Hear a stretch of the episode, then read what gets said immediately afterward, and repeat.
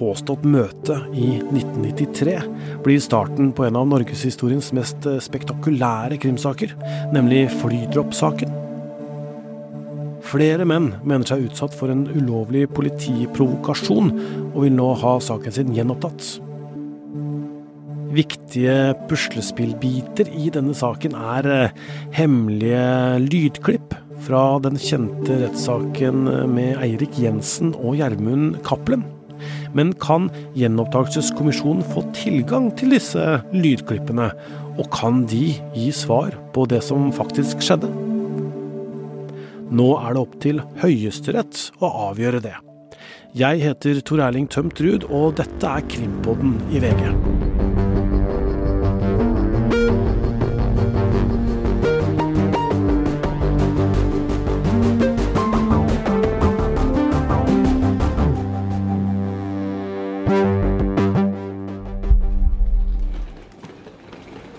Er Tor Erik? Ja, nei, hei. Hei, Vilde. Hyggelig.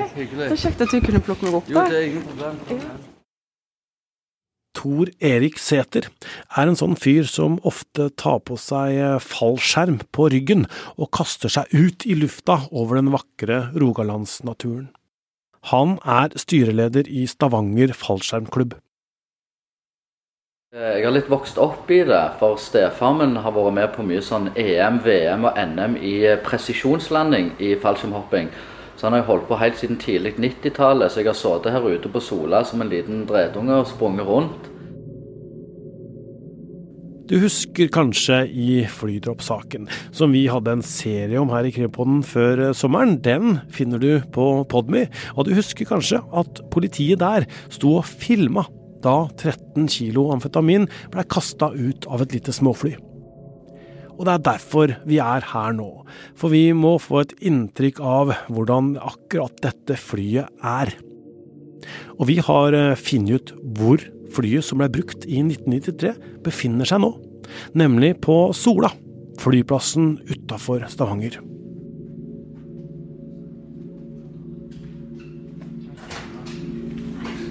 Her var det flott. Dette er flyklubblokalene.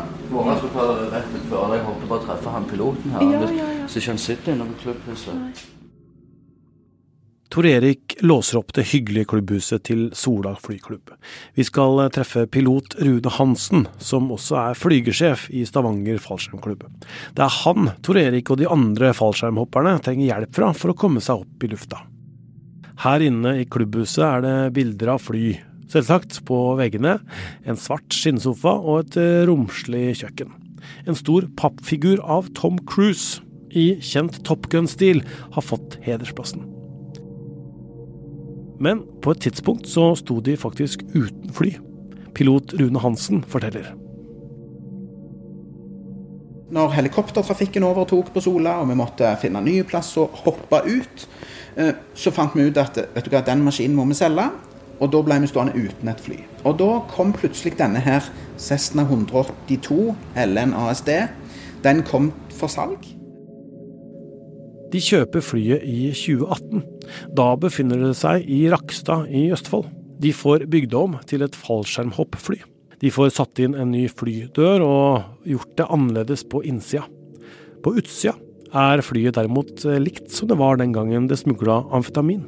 Og flyets historie preger fortsatt flyet i dag. Ja, interne joken med, med flyet. ja, Det er jo sånn at eh, alle fly har jo et registreringsnummer. Eh, og det har sikkert alle sitt, Du gjerne sett når, når du er ute. Så står det LN, som er norsk registrering. Og dette flyet har jo LNASD, som da for oss flygere blir Lima November Alfa Sierra Delta. Og når vi, når vi kontakter tårnet eller en ny flygen eller en ny eh, kommunikasjonsenhet som vi snakker med, så starter vi alltid kommunikasjonen med Lima November Alfa Sierra Delta. Og når kommunikasjonen da er oppretta, så kutter vi ut et par av disse numrene. Og da blir det Lima Sierra Delta. Og for oss lokalt som vet det, så er jo det LSD. Så her på Sola så går det flyet under LSD. Og det passer veldig godt, for vi vet jo at flyet har en forhistorie. Vilde og piloten går ut i hangaren der det hvite flyet med røde striper står, for å se om de kanskje kan få flydd en tur med småflyet. Noen, jeg må ha med meg bøker og, og nygler til, til, flyet når vi skal ut og fly. Hva er? Nugler? Hva er det? Nøkler. okay. Jeg er fra Sandnes.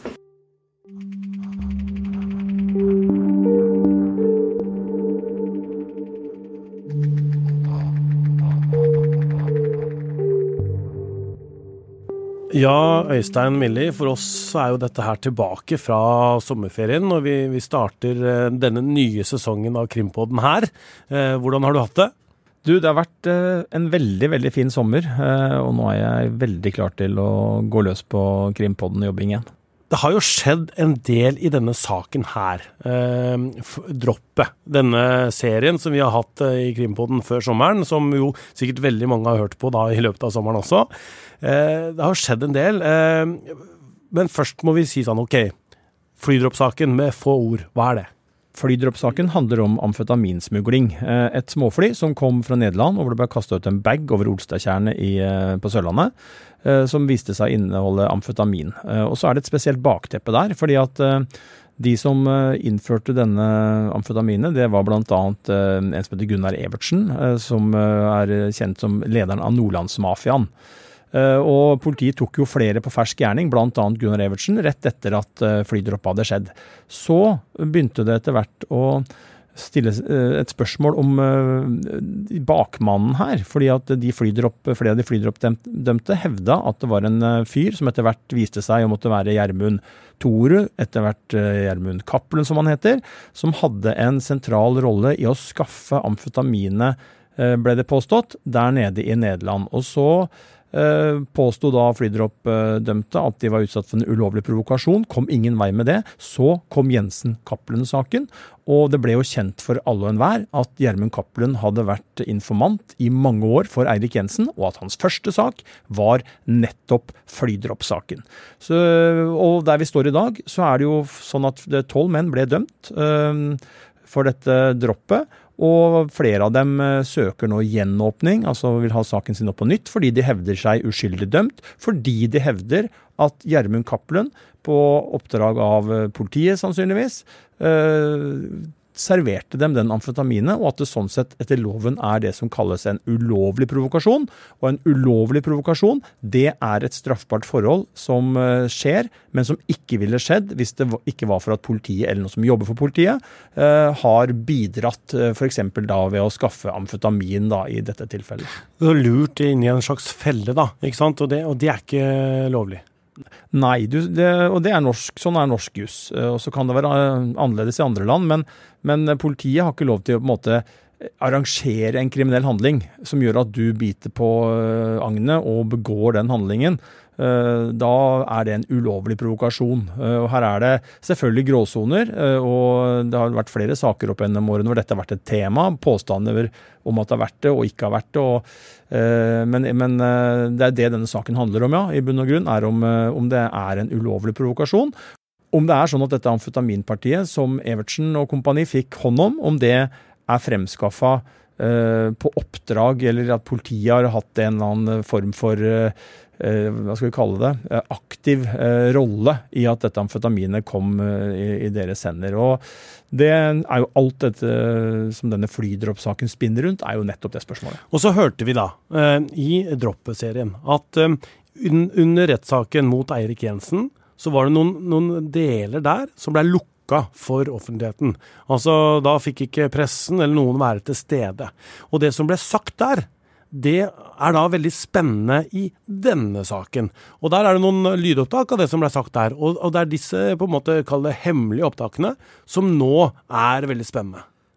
Ja, og Bakteppet for det er jo at Cappelen har jo forklart seg i denne saken i flere runder. Og han har gitt, og også da før han sjøl ble, ble, avslørt uh, sammen med Eirik Jensen, så har Cappelen forklart seg. Og han har gitt forskjellige forklaringer. Og vi vet i dag at Gjermund Cappelen beviselig har løyet om sin rolle i flydroppsaken.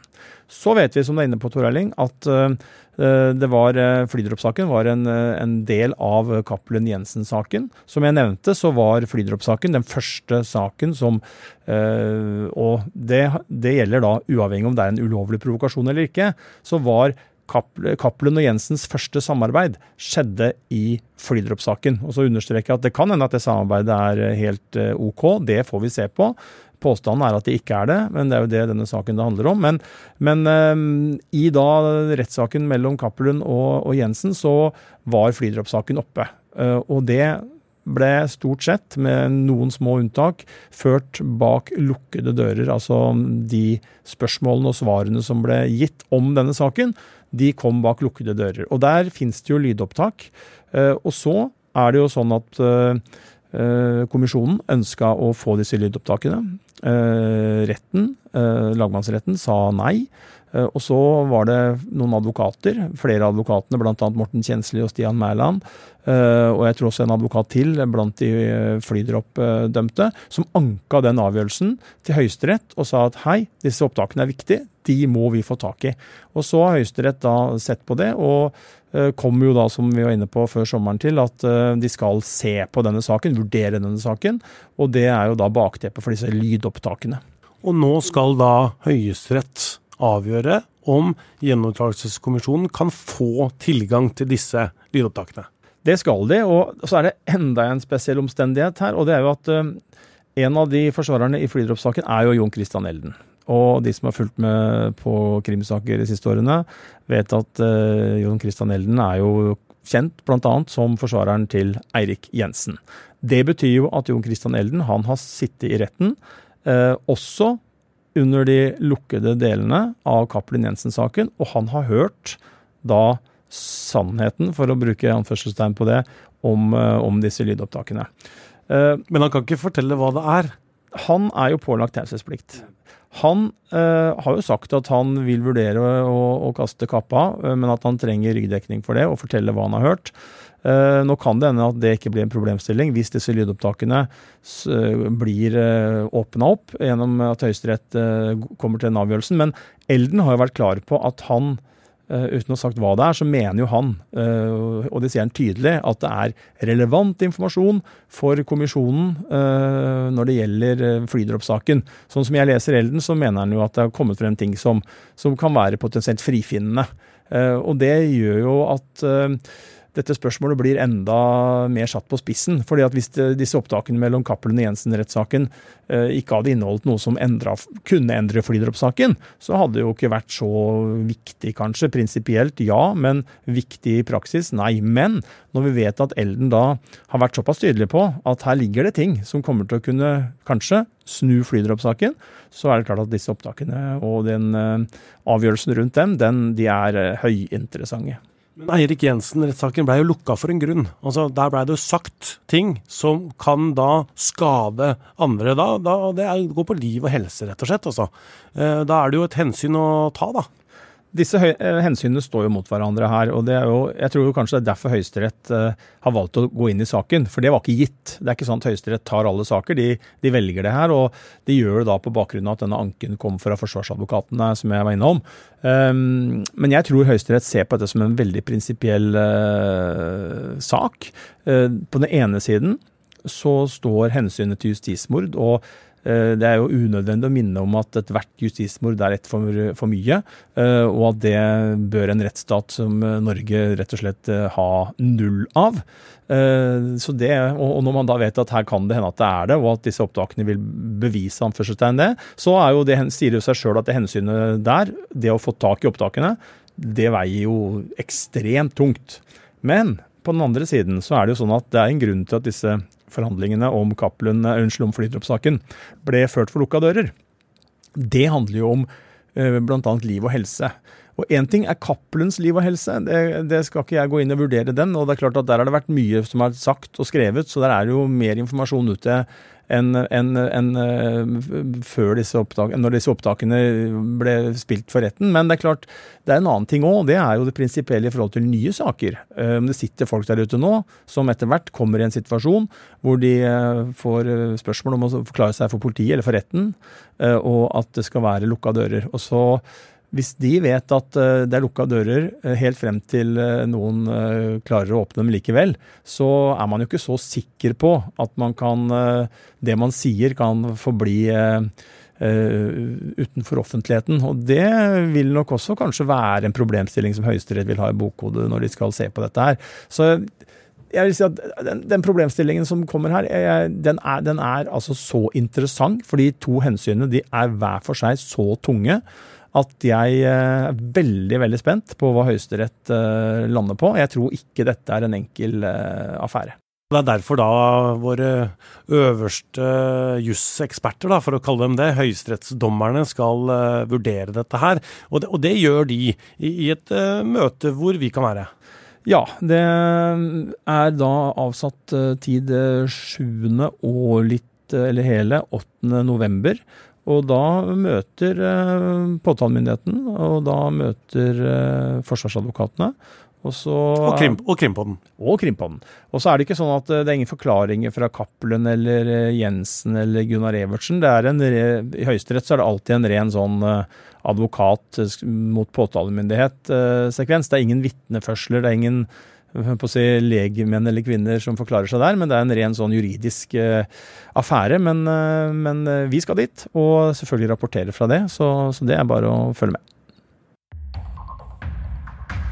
Det har jo etter hvert blitt mange artikler og saker om denne flydroppsaken. Og den som har eh, kanskje jobba aller lengst med den, er eh, journalist Tom Skoglund i Altaposten. Han har vi jo snakka med, og det er krimkommentator Øystein Milli som ringer Skoglund.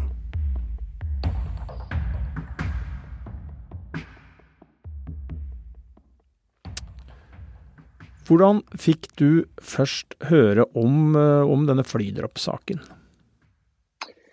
Vel, Jeg kom jo borti saken i juni 2009. Da var jeg 28 år gammel og hadde egentlig aldri hørt om flydroppsaken. Eh, jeg ble eh, kalt inn på kontoret til sjefen, og der sto nyhetsredaktøren også. og eh, fikk, fikk, jeg vite at vi hadde blitt kontakta av en fyr som, som, rett og slett var på rømmen. da. Og ja, De hadde lyst til at jeg skulle ta fatt i saken. Jeg skrev ganske mye krim på den tida. Så fikk jeg telefonnummer i nevene og ble sendt ut i, si, på, til kontoret. og ringte, ringte vedkommende da.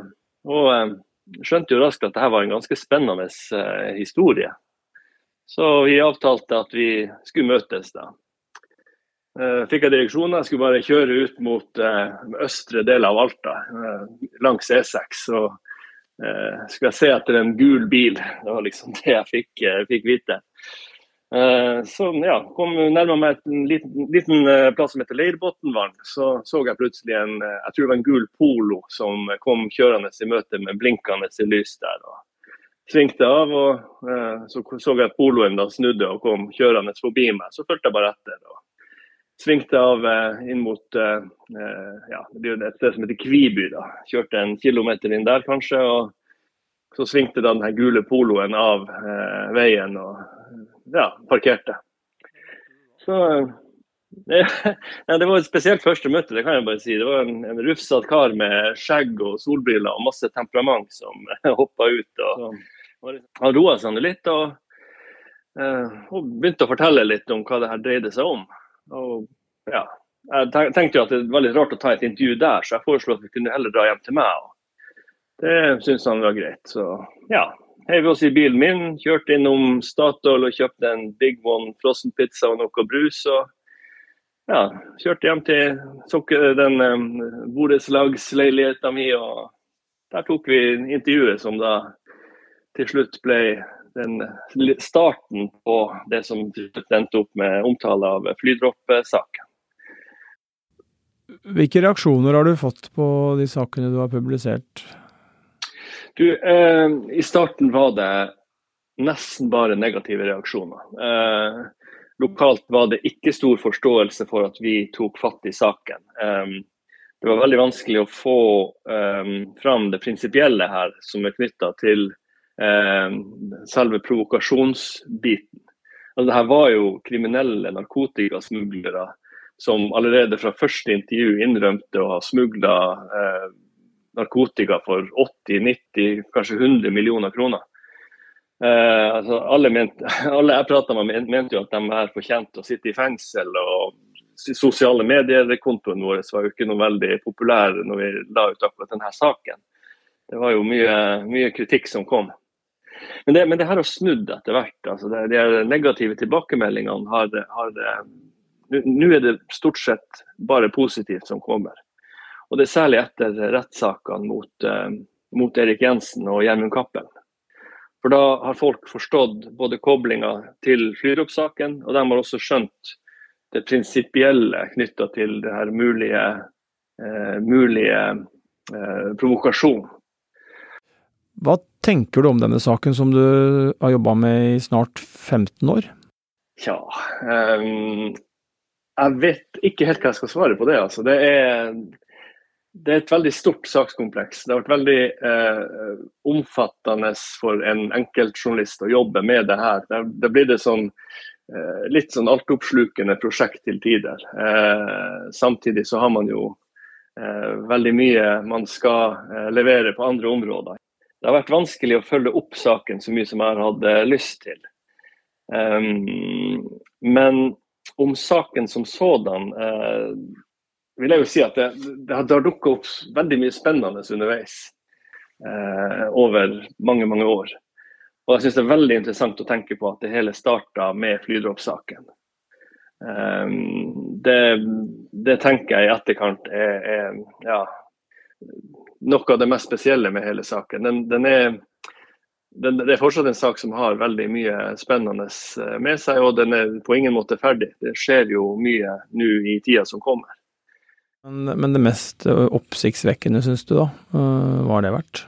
Det må egentlig være altså når man skjønner hvilket apparat som har vært i sving for å holde eh, viktige og potensielt frifinnende opplysninger skjult i nærmere 30 år. Altså, nå, eh, vi må jo huske at Cappelen har jo, og det er jo godt kjent ifra, ifra det han sjøl har sagt og det Erik Jensen har sagt, altså, alle vet jo nå. Han har jo hatt en rolle, i, i det minste som informant, eh, i eh, forbindelse med flydroppsaken og andre saker.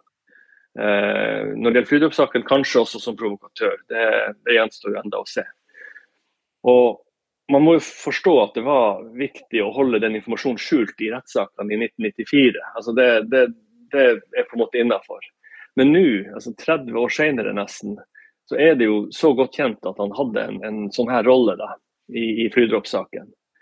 Um, derfor så ville det jo vært veldig godt å få svar på, på hvorfor detaljer rundt hans rolle og handlingene hans i, i, uh, i 93 skal holdes skjult fortsatt. Altså, hvorfor får ikke offentligheten, gjenopptakelseskommisjonen eller hvem det nå måtte være, eh, tilgang på informasjon som, som finnes rundt hans rolle i flydoppsaken? Uh, ja, altså det, det, her handler jo i, i ytterste konsekvens om, om vår troverdighet til, til, både politi, påtale og rettsstaten som sådan.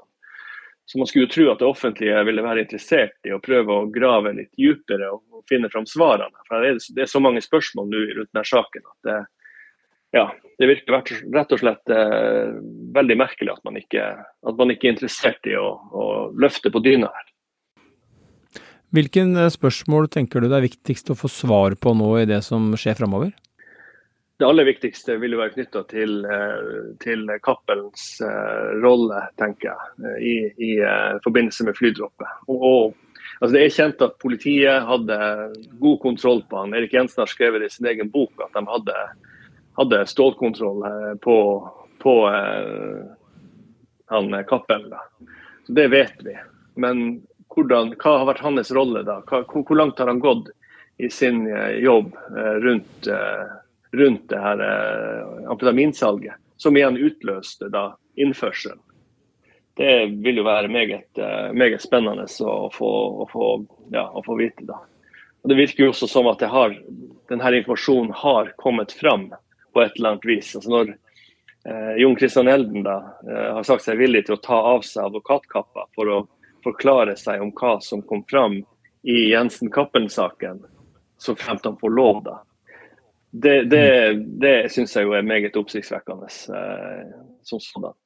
Jeg håper jo at han, eh, at han, ender opp at han får lov å gjøre det. Eh, med mindre da Høyesterett eh, Gjenopptakelseskommisjonen tilgang til opptakene fra selve saken.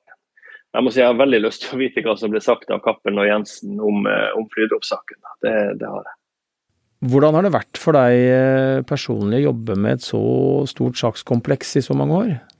Som fra et personlig ståsted så har det vært ganske slitsomt å jobbe med det her. Så jeg skjønner at andre journalister som har sett på det her, kanskje har gitt opp. Jeg vil jo, jeg vil også synes, si at jeg syns det har vært eh, personlig veldig givende i, i nyere tid, i alle fall. Jeg har fått mye kred for den jobben som har vært gjort. Og jeg ser i ettertid at den dekninga har fått konsekvenser for, for mange. da. Eh, det er tilfredsstillende for en lokalavisjournalist å se at en liten stein bare ruller av gårde og blir til et, et steinras.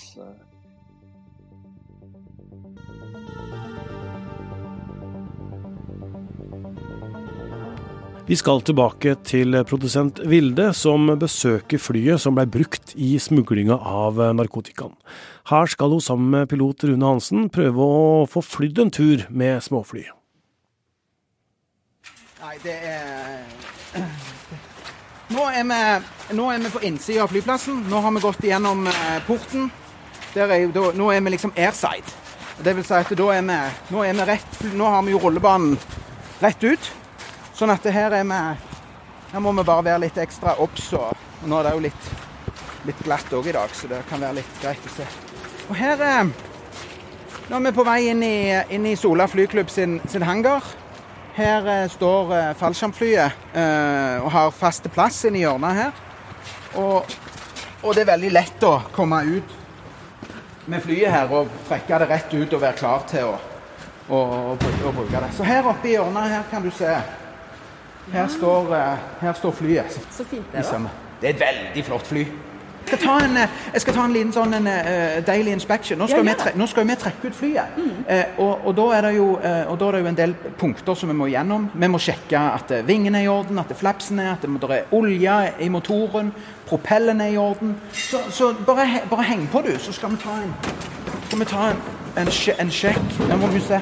Vi har jo disse her ailerons. Skulle til å sjekke at alt henger fast. Se at det er i orden. Dette er en inspeksjon som, som vi gjør med flyet hver eneste dag. Uh, hver, hver, nye gang vi skal uh, ut og fly. Se at alt er sånn som det, sånn som det på en måte, sånn på en måte skal, skal være. Denne sjekken gjorde altså flygeren den gangen på starten av 90-tallet også, da det samme flyet ble brukt til å frakte 13 kilo amfetamin. Etter at denne sjekken er gjort, så får vi ikke letta fra bakken av været.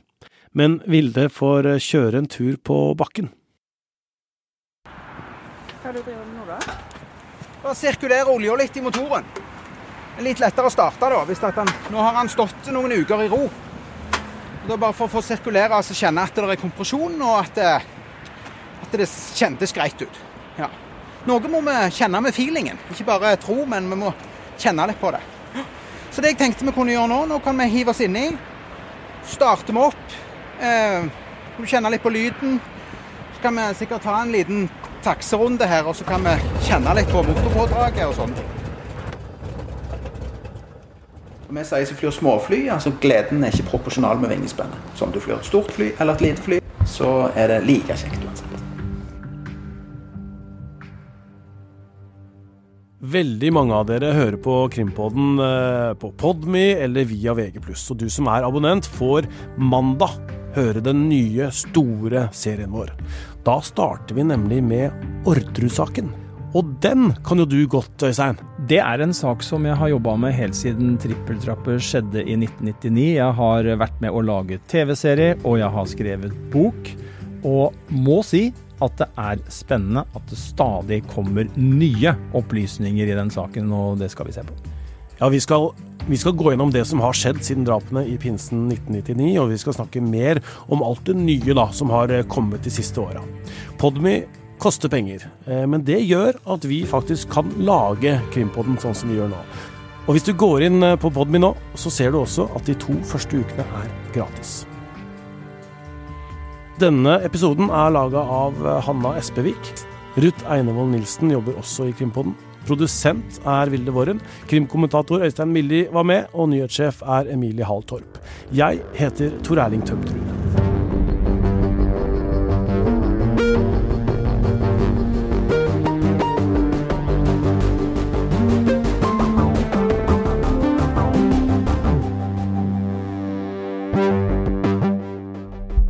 Du har hørt en podkast fra VG. Ansvarlig redaktør, Gard Steiro.